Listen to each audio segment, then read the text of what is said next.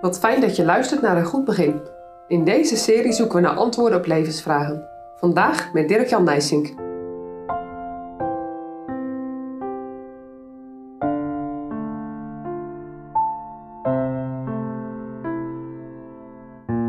Vandaag denken we verder na over geloofsvragen.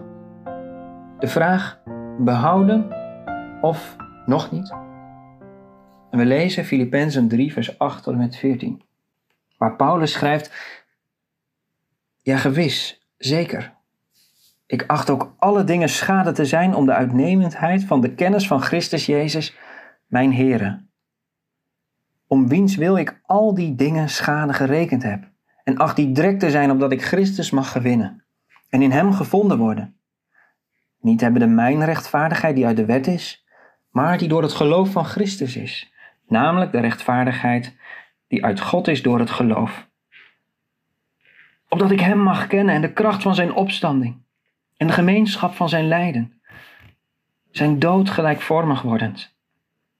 Of ik enigszins mag komen tot de wederopstanding van de doden.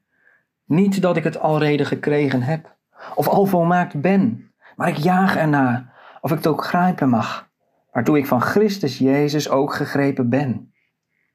Broeders, ik acht niet dat ik het zelf gegrepen heb, maar één ding doe ik. Vergetend hetgeen achter is en strekkend mij tot hetgeen voor is, jaag ik naar het wit.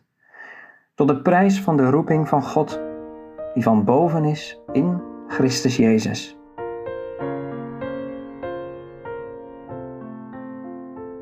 Hoe word je behouden? En wanneer weet je dat je behouden bent? Ik denk dat dat de vraag is van ons leven. Of zoals Robert Murray McChain het zegt in zijn bekende gedicht: Mijn ziel, doorzie je lot. Hoe zul je rechtvaardig verschijnen voor God? Paulus heeft er een duidelijk antwoord op. En binnen de context van het Jodendom van zijn tijd is het ook een heel verrassend antwoord.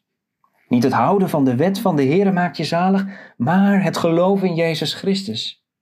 En dat niet alleen straks als je sterft, maar ook nu, vandaag al.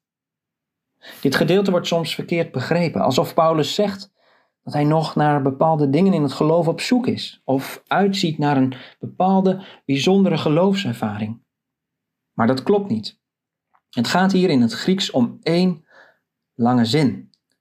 Hij zegt: Ik heb dit alles prijsgegeven om Hem te kennen. Paulus zet hier de Heer Jezus Christus centraal als de enige escape route uit onze verlorenheid. Er kan echt niets anders bij. Het is Jezus alleen die redt. De rest is overbodig, de rest is zelfs ballast. En Paulus noemt dat daarom ook schade. Het staat je redding in de weg.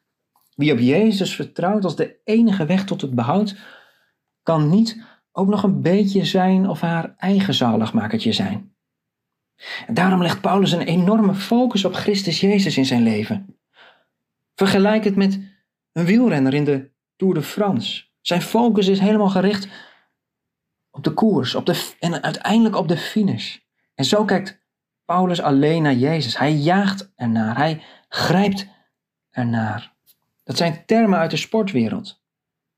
Paulus had de kracht van Jezus' opstanding eens en te meer ervaren in zijn leven. Dat maakt dat hij er nog meer van wil ervaren en kennen. En ik hoop dat je dat herkent of mag gaan kennen. Er is maar één weg tot het behoud. Dat is Jezus. En in het geloof in Hem alleen is redding. Zo alleen kun jij gered worden. Er zijn mensen die geloven in Jezus en er zijn mensen die niet in Hem geloven. Die de zoon heeft, die heeft het leven. Die de zoon niet heeft, die heeft het leven niet. Er zijn twee wegen. Onthoud dat goed, er is geen derde weg. Of je gelooft, of je gelooft niet. Geloof, zegt Paulus tegen de stokbewaarder in de Heer Jezus Christus, en je zult zalig worden.